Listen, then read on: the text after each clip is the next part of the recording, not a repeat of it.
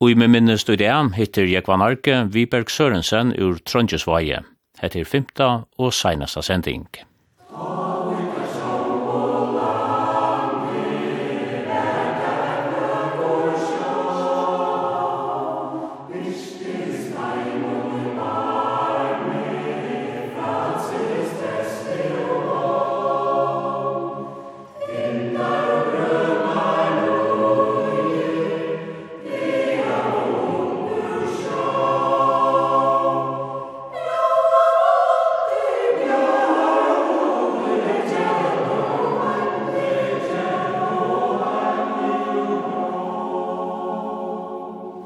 Nega tullja og i halvfemsunnen byrja av det da fiske haftask under fargen. Det var såleis at um, havtaskan hei alltid stabilan prøys, og kipet som grei, det var ikke egnet til Unnarvai, at det var blivet så gammeldags, og rent etter havtask, øyla nok her, norra for Skarabank, lov tova i her. Det var havtask nå, og går ut i etter, det var løyt av Unnarfisk. Tova i lunche, og ville sleppa veksa maskaner, få større maskar. Det søkte jo om, og det sier det nei til. Så hun må bare røyna vis ned. Men så en dag, det var flere skip her, sier utvarpet at en spanskur veietjåve var tidsen vestri av Bilbeilebankan. Han er fiska av i guttnån etter hautask. Han er slå av fiske her. Og jeg spekulerer jo eller lunsje på hvordan man kom til fiske hautask på omkran annan mat. Så det her får bare beina vi i gang da med alle juttene mer. Jeg hadde var sikkert en idé til åkken. Så ta sier vi Mambjørn Solmund, han var kjipar i Måvanis, ta var i eisen her, og ta fiskar i eisen i Hautasku på samme måte. Så snakkar jeg saman om hette i vi en idé tjåkon, og jeg avgjørte beina vi at hatt det her kjipet som grei to at det var vel egnat til at fiska vi gudna vi. Og det var ikkje vel egnat til at tråla vi, det var det jeg gjørt. Og for så snakk om dette her, om det bor til, men for fiska vi gudna, det er ikke bare å si det, Man bjöd nu för til till havnaren det jag tog vi Havstona och Hjalta, Bjagstona. Og jeg halte han helt og kjenta i Tiger, leie hettar opp og søkje om røyndarløy til å være fisk etter havtask vi guttno. Guttn hei så øyla ringt åra rundt fyrjon, tog um, Sjålandi og Hjalti er jo minst til Edja Krudje som var av aklen og tog i føringar fiska i vartøyne og guttn er torskje norranfyr. Men hette her hei ontsju til a gjerra, heilt andre slø av guttn og alt det. Men så da til jeg visste jeg skulle fære, hver skulle jeg så røyne til han sitte jeg slepp seg fiske av gutten alle sted. Og så ble jeg korstrudlet ut, og og begynte jeg å sitte striker i. Faktet er, jeg så til trutje menn som ikke har begrep om hva det går strika i ui. Det var noen striker ble sett der, og han sier, jeg er, det kom ikke inn om her ved gutten. Og før jeg bare ble totalt fri av strik. Så jeg fikk lykka som tar ytter kantan røyne i. Jeg har alltid bestemt at strikene stand i det eisen. Men det er bare sett til feltet. Om det er bare ikke skreft, det skal jeg ikke si, men, men så er svært det. Og for så finnes jeg kun henter av Gud. Jeg minnes at det er etter her skulle så djevast vi har tråla. Og jeg helt her at hvis jeg skulle færre halvt vi hette av nå, så tek det en av tog av blåkomner og alt det. Og, og akkurat samme ganga plankene ut helt. Så jeg bare smi mennar her i en smi at vøra i tja. For lille tar kom jo bo i kjergrein og tar brent i utspølene som greier, kort i alt i land så satt seg alt på det her. Og det folk så holdt vi, det var øyla strev jeg begynna vi til å finne det av hver bottner om hver gaver og ikke gaver til Gud. Det var ute i ytre leien, det var djupt, begynte jeg Skavabanka og så ute av Bilbeili. Men så fikk man en føling av oss her, og funnet det ut i hette per til.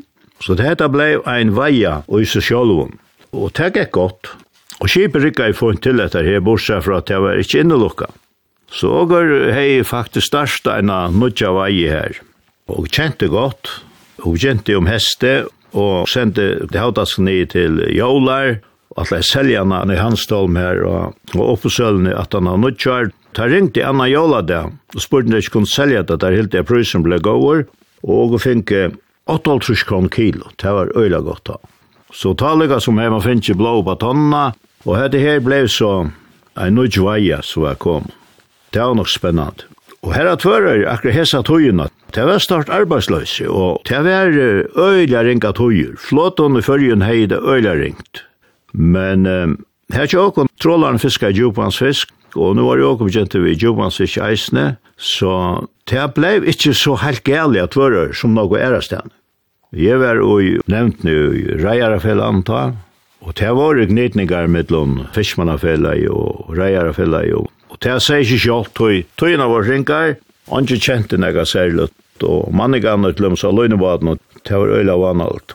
Ta i såleis ser, og semesmæveren kommer på i, så er vi tek semismæveren forhandlegar mittlån feløyne, og det er gengur øyla seint ofta, det er dri ut, og det er ofta eit fel fram og tvei atter, Og så tar man sitter og bojar så lai, så jeg minns en av nått nok sa det og ta seg om elendigheitene som vi er, og om vi ikke akkur glemt kunne være.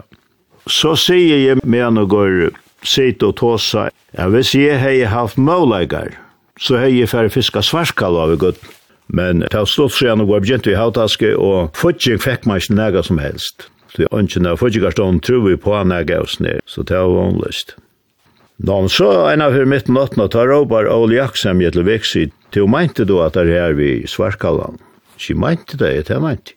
Ja, hvis jeg også vil det færre prøve at vi skal svarkalla, så vil jeg hjelpa til vi en og stått Så ok, hvis jeg ikke kjøper noe godt, så slår jeg gjøre det her. Ja, ja, men det var lei, det gjør det. Og for så fiska svarskalla, for å prøve her sur ester av munkagrunnen og terregai. Det ble helt godt fiskar ui og landa i og skrapster. Og så kom går inn ein dag av tvørøyre, ta hei går nok så noen svarkall dekken, og iser var oppe, og går jeg vinn i skrapster. Og ta leik så at jeg og iser rundt fleggavisen av tvørøyre, og Eil Olsen var stjåri her. Og så kommer han av kajen og hitja hva det kommer i vi, han kommer ut av kontoren, så sier han, er hatta støtten til ikke få av svarkall Ikke jeg, ja, det er det som få av i gutten. Ja, men så kan du også betale samme prøys som du få skrapster. Sier vel. Så kom Gralante her. Det enda jo tog at åker landa er fast til flaggavirsi her, og nøktenar av, av og blei øyla staurar. Ta jeg for jeg fiska hautaske vi gøtt og hjalte og, og ta seg saman, så sier han, ok, han vil anbefala at åker finke et røntarvei til hautaske, men det skal bare være tvei skip, ikke mer, så fiska jeg vi gøtten under fyrir. Ja, ja, ta oss det. Og jeg minnes, jeg halde ta det vær på det meste her, ta jeg også var begynt å svarka om, ta var den tjejskip. Så det blir tilbekvist, jeg linka om krøvene. Men det gikk godt, og bare hentet maten, vi fiskap noen, og, og fengi helt vel, og det rikka i alt. Og så hendte det at, det var i 4,5 enn av for papmann og kvar Nordlanda gjerra for Tofton, og ta i landstøyre lust gamla Sjuraberg og Klaksvik til Søle, utan fiskeløy. Sier du Sjuraberg?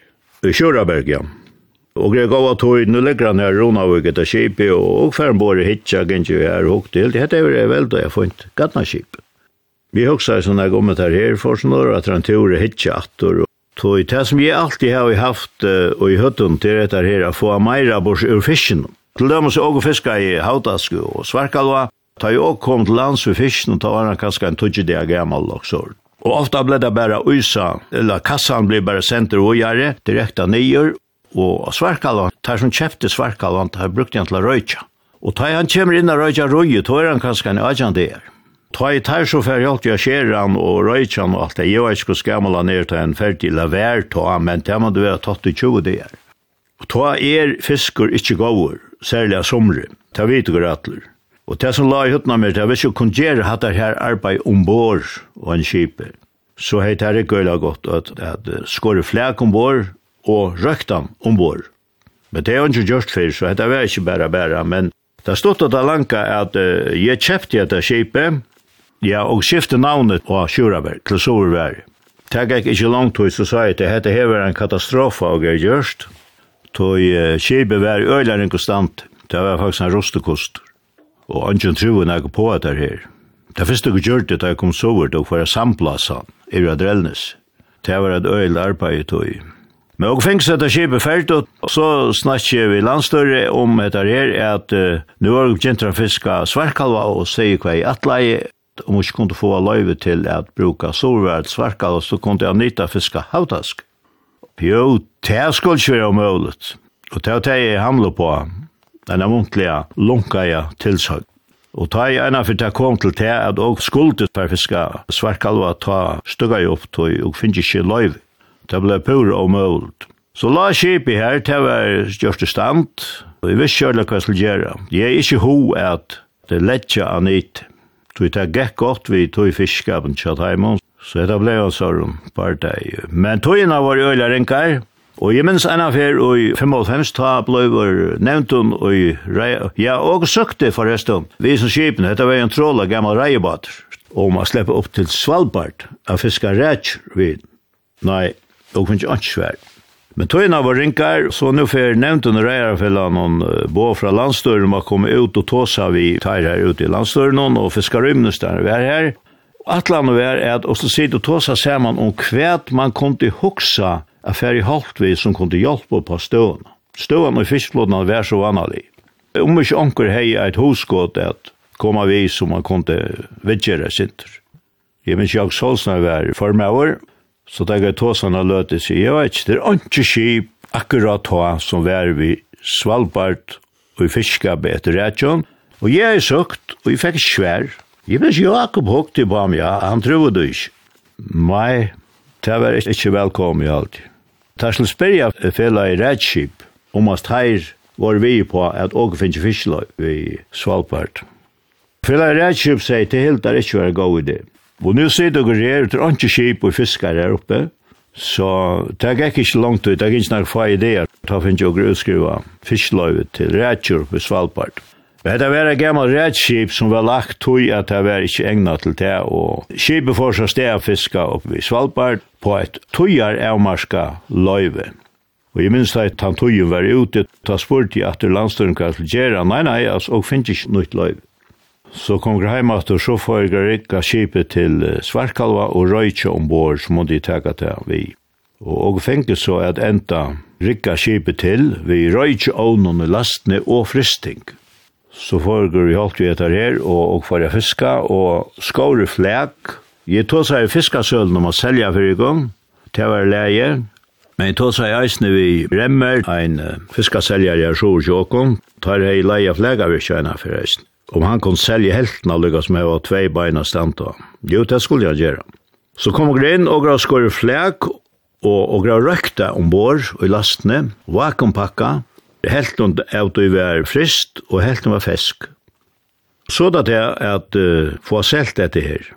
Og da visste jeg ikke til at jeg var gjort for lute ved sølig. Jeg var ikke opptidsen av å selge at jeg råkna ved at jeg var gav en hånden, men uh, dette var så en prøve som jeg gjør det, og det rikket jeg, altså ombord finnes ikke det fungera, og dette var en fantastisk vare å komme vi.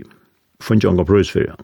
Så dette var uh, et øyelig bakkast, Men ågrein så han goi og røykte, men søla svikte. Da jeg visste hva det selte røykta svarkalva fyrre, så jeg får sjálfur av stedene til Tyskland så hei nega hos nervi, så gikk jeg rundt der, og seljar var vi eisne, til supermarkeder som selte, og så visste jeg dem dette her, feskor, nøyrøyktor, ur sjånen, og det var en fantastisk vare, og det gav dem rett og Og jeg minns den ene, det var en tyskar, sier at, hvis du kan sitja fyrir at køldisken ver filter opp kvann manna morgon, så skulle ta kjeipa for en alvorlig prøys. Det kan de ikke garantera, tog jeg. Det var eit kjip og vever og vinter og fiskaroi som spiller inn. Så dette ble eit stort fiasko vi sorværa, og finnes ikke selt vørena, men alt rikka i ombord. Og finnes trobelegar, og enda at han at jeg var nøytra letja kjipet, og begynne atter vi gamle Anitia fiskar. Då har jeg sett alt som jeg åtte og i hese her. Verskatlanna og det stugga jeg opp. Og jeg råkna vi å missa alt som er grått. Alt. Det stod alt på spill. Og det som futja jeg, det stugga jeg av. Så får jeg holdt jeg selja kipet, og det råkna vi å missa noe penger. Og slapp jeg av i kipet for en prøys, hver hver fikk søyt, og nega fall eisne i gav jeg gjør til moin. Så her stugga jeg til prosjektet. Det var øyla spett, tog Og greier er stadigvæk at politikeren tar der fremme, så er det alltid etter her å få vittgjørt fisken som nok heima tjokken sjolvån som det blir til, og til her er pengene der, og, og selja så nu atter, fisker og fer av landen, og hvor man han ned til en kjem til røyja røyene, det vet jeg ikke, men jeg vurderer det ikke øyla nok brøyt. Så og begynte jeg at vi gamle og nyte, men hon var stadigvæk etter egna til hun var åpen av vetra deg og kvarta søgnon, så Jeg får hitje til en skip og kjøpt seg skip ur Norra til tannfiskapen. Det ble så ombyggt og seitene selvdygda til tår til driften. Men um, etter her vi at åker ikke vidkjera fiskjon som nok som det kan, at de som tjener kanskje mest på fiskjon til de som sitter i utlandet. Så det var spettlet til å få forbakka, men så la oss være til her og kjøpte så eit anna skip, at atur skjedne, og for så at røyne et svarkalva av tog under førjen natter, og det ble bare til å frista. Det rikka ikke, det ble og grattleia for fiska makrel ut i eisene, men det rikka ikke, tog at akkurat ta, ta tru i ånden på nega som helst, men ta vem makrelfiskar under førjen akkurat begyntor, og går for seinere sjåvarfattelen, og det får så for bakka. Men det er, er fiskaber som er vært under førje næsne, og jeg minnes uh, at papen min var, jeg har nevnt det, han var en lang tur nere i Afrika, tar fiska i hemare her nere, og tar finket ikkje bare til, og til nok du tar hei for kjørsta greier, tar finket ikke samband vi nekran.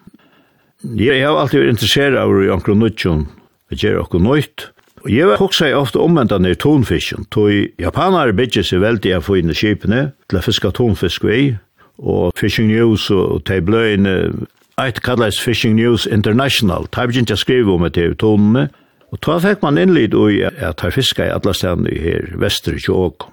Så det er spennende, for jeg holdt vi også og jeg snakka i med det her, og ikke tomt jeg tog som det, at jeg fiska tonfisk er i fyrjar, til han bor i Russland.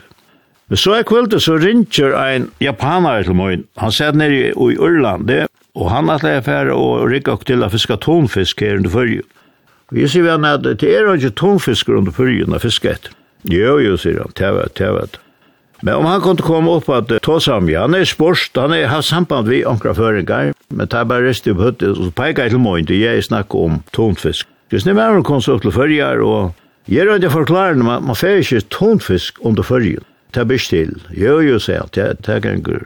Men han var så steater, ta døy bare bort. Det er at han nå, ta begynner atter at ruka om tonfisk. Ta begynt teir at nerskast her, japaner. Og knapplega så er søkt etter å få løyve til å fiske tomfisk vi japanske kipon som røynta vid Nagavær. Og det ble så tvei kip leia i har onkre hausdom som stod fyrir døy. Og de kom jo til fyrir og de fink tomfisk. Og jeg var kommet og det man rer i eisen vid tomfisknån.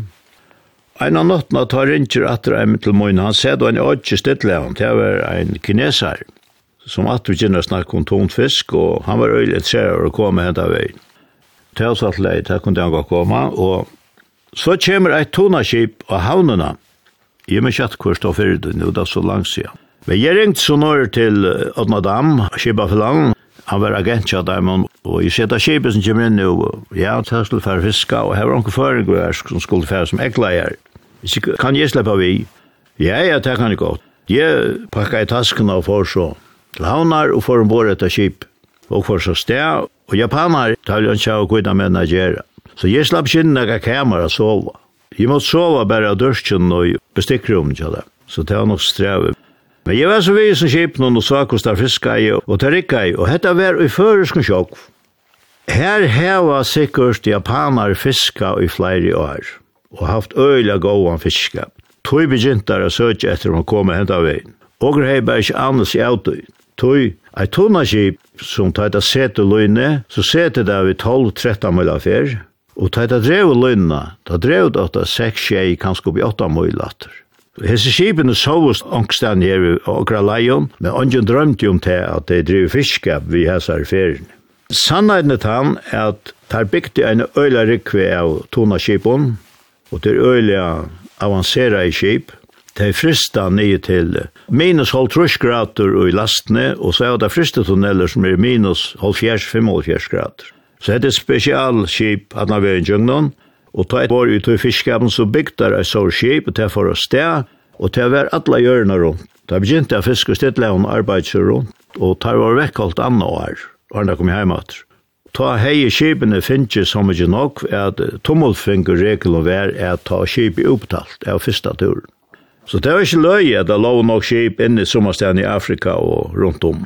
Hesten er som ringt til Moin og Stittlev når han kom så heim, og det vil jeg ha samband vi omkran som hei skip, og enda ble han at jeg ble involveret over i fela av Taiwan, som hei Noctuna skip, og tar bygde et skip og vil heva samstarv i omkran her, til oss åkon, og finnes jo rønta fiskløy i føresken sjokk til dette skipet, og jeg skulle standa fyrir i snir. Skipet får så ur Japan, og sildi henta ve, og sildi og helens rock. Eit skjer, jeg er estara Atlanta, og vi så inn av rock og der sildi, og det skjer det, og fink stort hålloi, og måtte så neisikla til Danmarkara, få det i dokkater.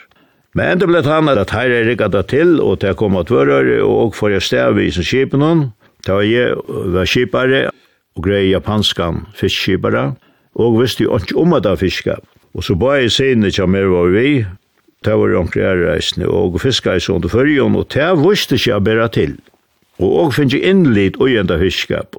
Men og var for senere sjåvarfattelen, tog jeg minka i borstrator, og det ble så løyte av ton. Men nu så tjukker jeg, nu er nokko tonfiskar atter nere i Norsjånen og i Sadavari, Øyrasund i Eisne. Så nu har jeg sikkert bort til atter, men hatt det ikke nega med gjerbæra så leis, tog Tær hava eisne kvoter og hva ta kunne fiska, og tær har gjørst eina Sama samanslutning av skipum og hon eitur eikatt, og tær hava så sett sjå allan tonfisk, og hava sett kvoter, og her hava japanar så det største, men Han er i agra sjokk ved vi kvørst, ta meini at agra eia på agra parst. Eisen i Øslendaren tar var akkur som skån som åker, og tar bygde enda okkur skip ta, og minst at høyna ta i åker var i holdt vitt eisne og grei føringar bor, og tar fiskar så Vesterjungen havet tar ikke væren til og enda i ja, tar kom ut 2001, ta enda der a Kopa fiska i her streten om mittlom Kopa og Florida, og ta ta eget tvær føringar bor her. Så her enda i det Men det er flere sånne fiskar rundt om som åker ungan leike heva til, at det er så avmarska her tjåk. Ta jeg sett og i reier av hillan, det er ofta øyla strevet, og Öll skipene som er i Limer og i Reiarfelland leta sina avråkningar inn, og her var ikkje nokko henta, det var til første årene og i halvfemsen, det var i øyla vanlig, og det ble nok skip lukt, og kursta søgnon, Og jeg ble så valgt til formann og reier av hele ta i 2008, alltid det var. Jakob Solstein leier fra seg. Han er i veri nok var, han var utrolig adonalig med vår. Han var oppvoksen av kontoren til Kjølbro. Her pabjansar eisne hei sitte, så Jakob han hei innlitt i alt som hei fiskaruja gjerra, men han hei ikke bare innlitt, han hei virkelig ahoa fyrrjusni. Han levde ordelig av vi og i fiskap. Så han lukka som stort i utlens ned, men Jakob ble gammal og han leis og fraser, og så kom jeg ble valgt til formann i Reierfelland. Og ta var eisne vana litt høy, nok skif stå i øyne et løyt. Og jeg minnes godt han første dagen da jeg, jeg kom som formann. Så Reierfelland var skrua saman på tammadan Det var stående langt i 1912 eller 11. Ta ved om det var enkelt, det var en fiske, det var snøre ved sloppen. Og grunden til at fela ble stående til å ta tak inn rundt her for rundt land om veturna skaffa folk. Men det er ikke nega skipa vi kostar skulle avråkna. Og så ta en skipa kanskje jeg finner folk til skip, så kom en annan rett og og at det bjøy i sin meir. Så det var altså øyla av skipa. Og så kom en saman og tøyna var rinkar ta skipne fiska i bær rundt fyrir. Det var noen skip kanskje som fiska i under Østlandet, men så da var det inni fjæren del av oppankra i. Grunden til det var nok at vekkere var øyla vana alt her oppe, og de første skipene som gikk borster, til dem stod første i Adjandor Forsen, og de har sett en sånn skrekk i menn, og de miste så nok, og finnes skeier, og så ble flere skip borster. Jeg har nevnt at Bella til dem var det første skip i Atører som ble borster. Jeg var 20 manns vi. Så Østland er finnes jeg øyla ringt åraser. Men nu blev tøyene så ringer etter her første i Nødjandra, Jeg halda var i 1912 eller der det var. Da kom skipen inn for fiskaløys. Ta Pallimøyren skipare falsknån, ta var det bankanån, og heva heldur ikke få. Ta sette han kås i Rasoverland. Det var ikke vel domt av manningene, men her var ikke gjøre. ta kom i Rasoverland og røyna så her, og vekkri vær vanalot. Det var øyla nokko der det ikke finnes røynt. Men røyntenar der finke bors ursen her var så gåvar, at ta et her kom i heim, ta hei der ein hamplia gåvan tur, med det at hele som der hei røynt, det var ikke gale, så ta kon gongt og åter, tann fiskap. Og nå ble vi mera kipa i forhold, tog menn tog seg saman som åtte kip og gjør det fyrja reier fella, og ta det såleis at det var tvær soringar fyrir til syslena her sore, og tvær noringar, tvær fyrir streimøytna, og så er at, at det ble valgt etter sørslom. Og til jeg vet jeg lukk ofte ser tøyene at jeg og gjør for meg. Men eh, ta vet jeg bare sluppene, og tøyene brøyter så øyne nok, at nå har menn kjipa seg og kjipa bolkar. Og nå har vi går løgnebåter og grei gattnaskip og nåtabåter og flaggabåter og tar rikka er så ytla å bruke hit fra Sørslund nå. Og da man så skulle det sitte og samråas om lønner, så skulle ein hava sinter et prosent her, så måtte tekas fra ein av hin og bolken, og det bæ slik til. Så enda blei at formauren i hver felan blei limer og i reierafellas nevntene. Og det er det enn, og jeg halde det rikkar bedre nytt. Men ta jeg kom som formavr, ja Jakob var færen, og skrivaren i felan, han var færen i Arlov, og kom til noen kontorer her, som var oppe i A, i Nødskjastove, og kunne ikke åpne telt noe greier, hun ga kåt til henne. Tar inn kjør uh, Bjørn Kalsøy, han var fiskarumnes der, og sier der er troblager i Norra, ta våre forhandlingar vi normen om fiske, var i avtale ved førjar, og her var tar som fiskar i flek, og bare sånn der oppe, tar vil det leta meir vi førjar enn det som fela i løgneskip vildt. Vi tar fiska i under fyrju. Og medan jeg det sender på, finner jeg grei fax fra fiskmannfellanen, at tar seg sottmålan opp. Så at det var byrjan som er, det var ikke særlig hovalut, men det var som å sikla i middelen skjerene. Og det var en tog hver og det var øyelig strevet tog, tog anjun kjente nega. Det var bare tvær bolkar og i felan som heida rymla godt, det var flaggaskipene og nådaskipene. Heine, det var øyelig vanalut, Og det som plava i så ytla ta, det var oljeprøysen var så øylig høver. Han lykka som tog bein i undan, og tar som brukte mest olje til å sjåvande trålaren rundt fyrjon, så her var han ikke etter til kipene, og mennene kjente ikke for nok, og så skulle han bli einig om hvordan man skulle rykka til til, og det var store troblegar ofta, og så ble streiker og kvart av søyden. Det var en sånn tog, og jeg minnes det at um, så finnes jo gura i nødjan skrivara, Det var Åtne Dam, Norskvala. Han var gammal skipare og eisende gammal reiare, akkurat som jeg var. Så går øyla godt på bildslangt. Visste akkurat hva det gikk ut på det hele. Og så så høgt jeg på seg her avrokkningen som kom igjen, og det var han ikke bøyta, tja, flåta han til førjen. Og så er det her, jeg vet om jeg ikke kunne finne ankran ut ved hver, og man kunne finne ikke mer på sjur. Men det er ikke bare å si det. Så over brukte noe tog jeg sitt og hitje på det er Hitje på elendighetene, kan man säga. Og så foregår jeg hitje på om det er annar kunne være en førje som man kunne få av meira på sjøur. Jeg minnes at uh, en morgen jeg kom når smyrlig til å være vataslettinger og til å være lyd i hoved alt det hele. Åttende kom av norskala, så foregalt jeg at det er. Og enda var han at og å finke eia og jeg har vært kanskje en glott i homa tja fyrjum. Og det var vi hittet på makrelum, hvordan det var. Om det ikke kunne være mer makreler enn det går helt eller visst. Åttene er overfor teltet, og han manørerer i nok. Og russerne fisker i Norran for det visste jeg går, og det heier jeg tøl for. Og det var ikke at uh, det begynte akkurat som jeg nevnte. Og noen skip heier eisen røntarfisker i Norran for det marsje i førjen, og finner ikke vel av makrelen. Og til å være makreler under førjen, til å være ikke nevjen til. Og problemet var til at de som fisker i, de slopper av i det om sommer, og ta var det til mjøl, fiskamjøl. Og de prøyser er jo ikke noe særligere. Så skipene som fisker i makrel, til rønner jeg gøyma til kvotene de heier til ut av heste, Da fengt det i måneder mer fyrir det, og fiska i norra, og landa i noe norra, og omkring æresene. Så det vil det gå imot her, men um, nøktene våre ikke særlig store til som åker heie og i avtalen vi andre land. Så dette så er nok så interessant ut av for å hitje på det her. Det gjør det jo så. Og hvis jeg åker hukt det at uh, tog nøkten som åker kommer fram til, så, så er det øyelig å avhåverst ut for det første samfunnet. Og åker er en avtale vi andre land om dette her, og hilde til avtaler bare vi silt og vi makrele som grei gjørst til at det klart. Men, uh, og funnet jeg sin del tog er at makreler og gøyter her sjåere, og til dømes tar her sjåere åndsmenn og tar som fiskar i makrel, tar gjør det slett ikke kanningar om man gøyter langer norr.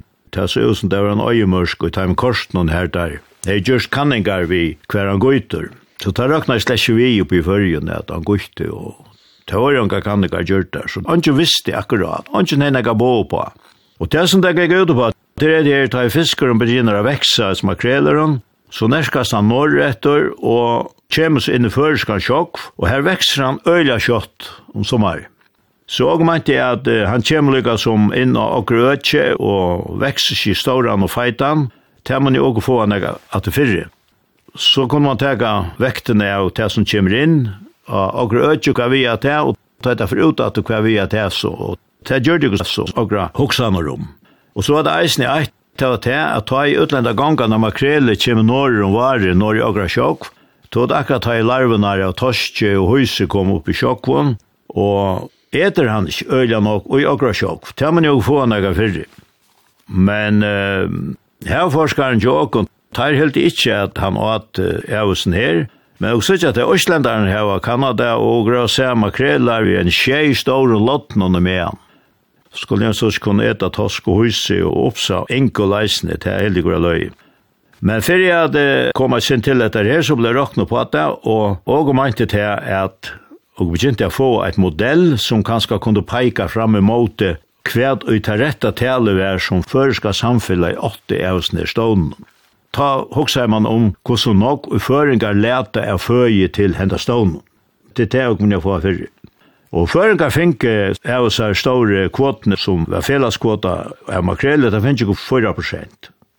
Og ta i avtatna er, ta helt i åker at åker 8 22,4 prosent. Det var det rette tal som grått. Og færre ut og forklare ørene at dette er ikke, det er bare slett til Det er ikke ikke, og dette var pura oljehut. Men og leie så heter her framfor tar som er kil av makrele, du og hei ikke fiska makrele sjolvor, og så bare til hette var spennande, og så vil jeg hava vite om oss det kunne være nøkker hoksan at hette var så, som hun sier. Jag Westgård var fiskarövnestare, og han gikk forboi her som hun sa det, så går ofte han inn av gulvet, og jeg var i sånn, dette her, han var sjolvande eisen spenter på det. Men så da jeg kom ut i julemann, jeg hadde nødtje, da hei jeg finnet et modell, og gleda framfor Jag Vestgård, og han ikke så, tog, han kunne sjålande ikke sier noe om dette, og for noe vil han nek. Så jeg leie greta modeller framfor tar som fiskemakrel, tar som er kyla døy, Bå tar sige gong kvæt uva gale vis ned. Det var okkur småttar roi bare, som ikke var akkurat, som tar helt det, og det hei ikkje nok pask. Og så gjerne fikk hevstående og framlagt eisene, tar jeg ikke innvenda. Det var så powerpoint som ble gjørst, og til enda jo tog at åker mente at åker 8,24,4 prosent. Det var et øyla godt til å halte om, tog Tøy og visste sjálvandi at det var til til folk skal få og forhandlingar som skulle koma om makrel. Men eh, det ble så lagt ut, og i forhandlingen hva og, og kom fram til, og nå da men var kjørt vi på dette her, tog, Det tar blev boykotta era fiska. Här som det var vänner av fiska och kvar det var vänner få en eller gav en pröjs för makrell och det var så löj. Men det lukka som blev så ut uh, kratjel och i rejar av fällan det blev inte helt enighet. Atler hinner som fiska i under fyrjon og kvartan svint, han var øyla spenter på at det er, det hette kunne hjalt øyla vel til felas fiskarøye tja fyrjon, og, og det blei det så sett ni eisen. Men um, det var så løy etter, det som skulle fiska det, det var ganske mest imot døy, og det ble det, men det var fiskarøyvnes der som avgjør hvordan leikur skulle færa. Og han var ordentlig vi på at det er, og trúi fullt og fast på at og skulle hava kurs nok meira og i okra parst innugur hei finnki år. Og te halvtid jeg var ikke så løy. Onker helt at det går ikke helt rett sikta er å komme utvis ned, men um, og var vi til forhandlingar nere i London, her sitter en IFC, her og i kvoter vi har gjort der, avtaler vi har gjort der, og hjemmes normen er flentig at snir, et som krøvn. Og ein normer, han sier tikkert med pura svetjer, tikkert holdt trusht hos som folk, kunne ikke forlanga så noe av snir, og Så sette jeg ned vis mannen er, og vurste jo noen og sier, jeg gjerne skal jeg vise at du kvøy ikke sier det, og si til meg hva det gale vis ned. Og tar jeg går ferdig, så hukte han på meg, og jeg sier hva det gale, nei, det visste jeg, han kunne tjene av gale, men det er bare ikke til at holdt trus tusen folk skulle få så stor en parst av makrell. Og det var det vanlige her nede, så det er galt om å holde fast, og, og ble faktisk ikke så veldig vel settur. Og jeg var vi til seg forhandlingene ofta, og sammen vi embetsmånene som skulle ta avgjørende, og ångte var åttende. Det var et øyelig trusht vi ble. Og jeg ble vi kurt og akkarde fyrir at alt for husagang til å komme og blei boikotta i kurta svinnon. Og det blei jo ikke så eisne, men uh, ta stotta og ta lanka eusen her, det var det at og finnes 12,5 prosent. Det helt jeg var i underkant. Men det har jeg også om hvordan nok meira det blei enn det som gre heie.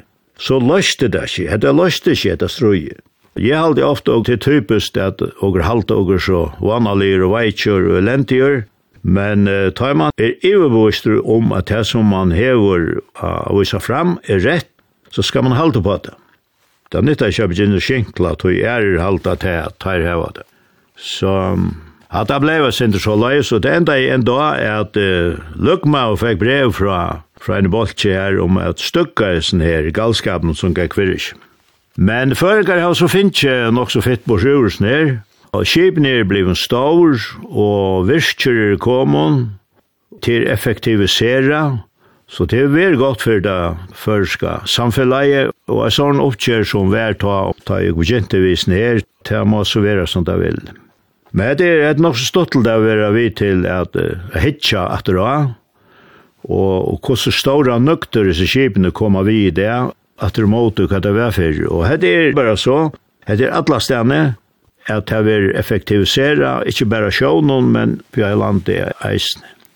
Og når jeg har dømes med danske bondagerer for hundre sjøen, ta kanskje arbeide en tredje folk, og i det er det tvei troi som passer et sårbruk Så jeg ser det, alle stedene, alle veien Og greie store trobleikere av oljene som ble så døyreisende til at og jeg var her, og trålarne som fiska i under fyrju, ta fengt det slett ikke hanka saman ved oljene. Og det så han ikke ut, det så ut som å bare dorska i.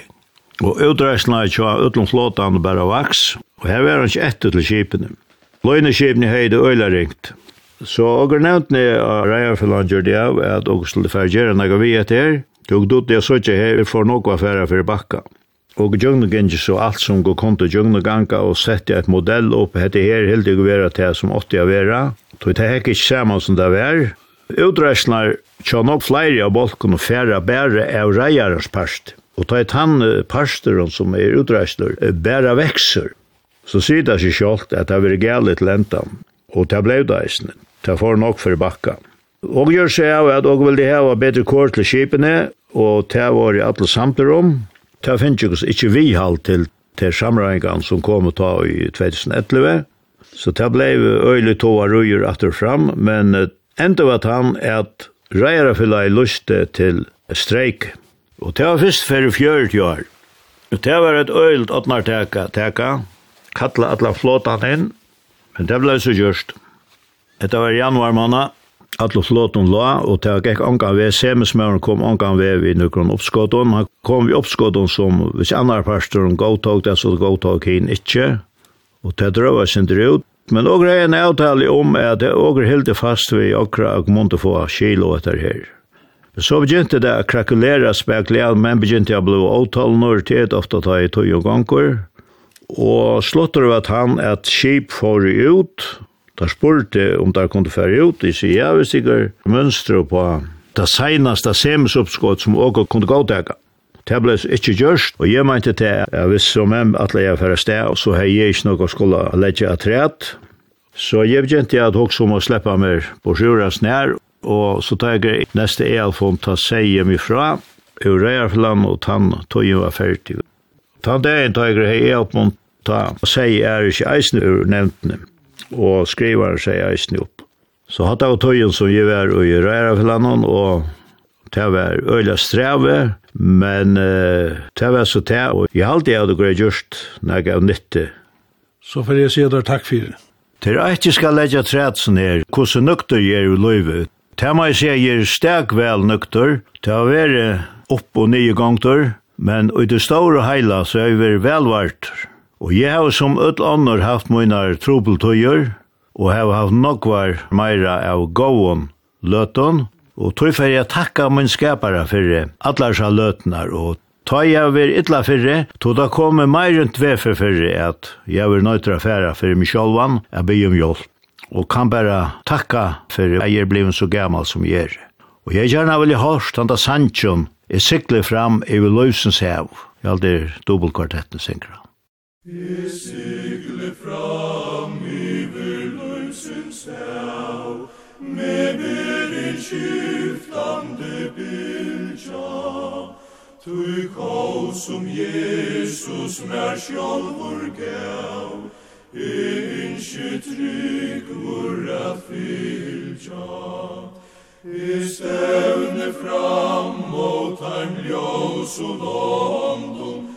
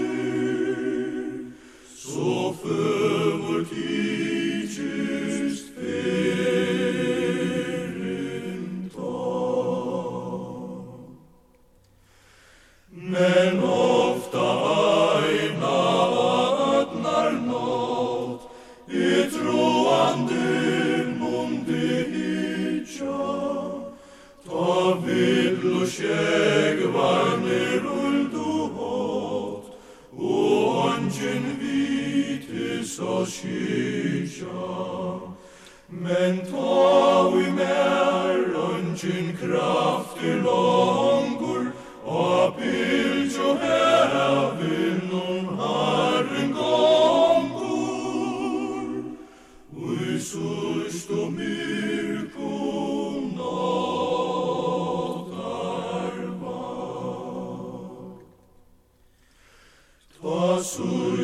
stormoren tagnar her, og heimsens rond er at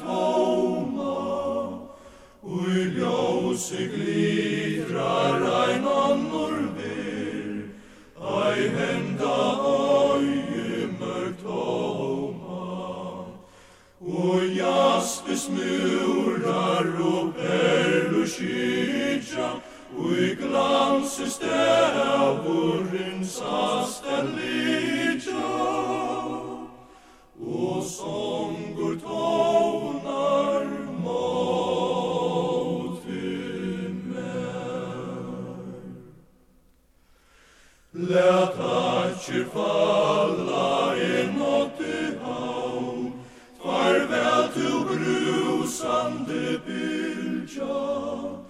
I trygt mi leqi u Jesu faun, han som er her vildi fylja.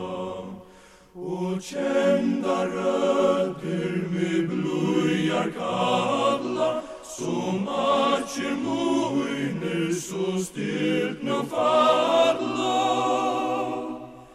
Vi lusis ljós og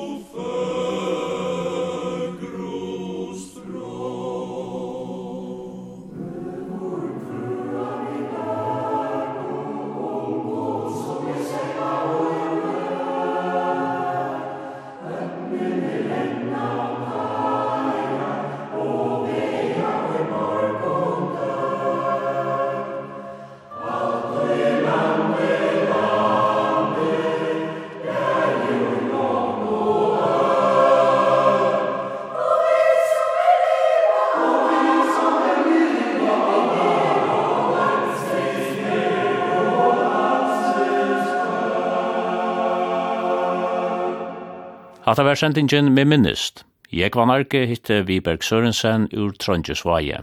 Hetta var fymta og seinasta sending.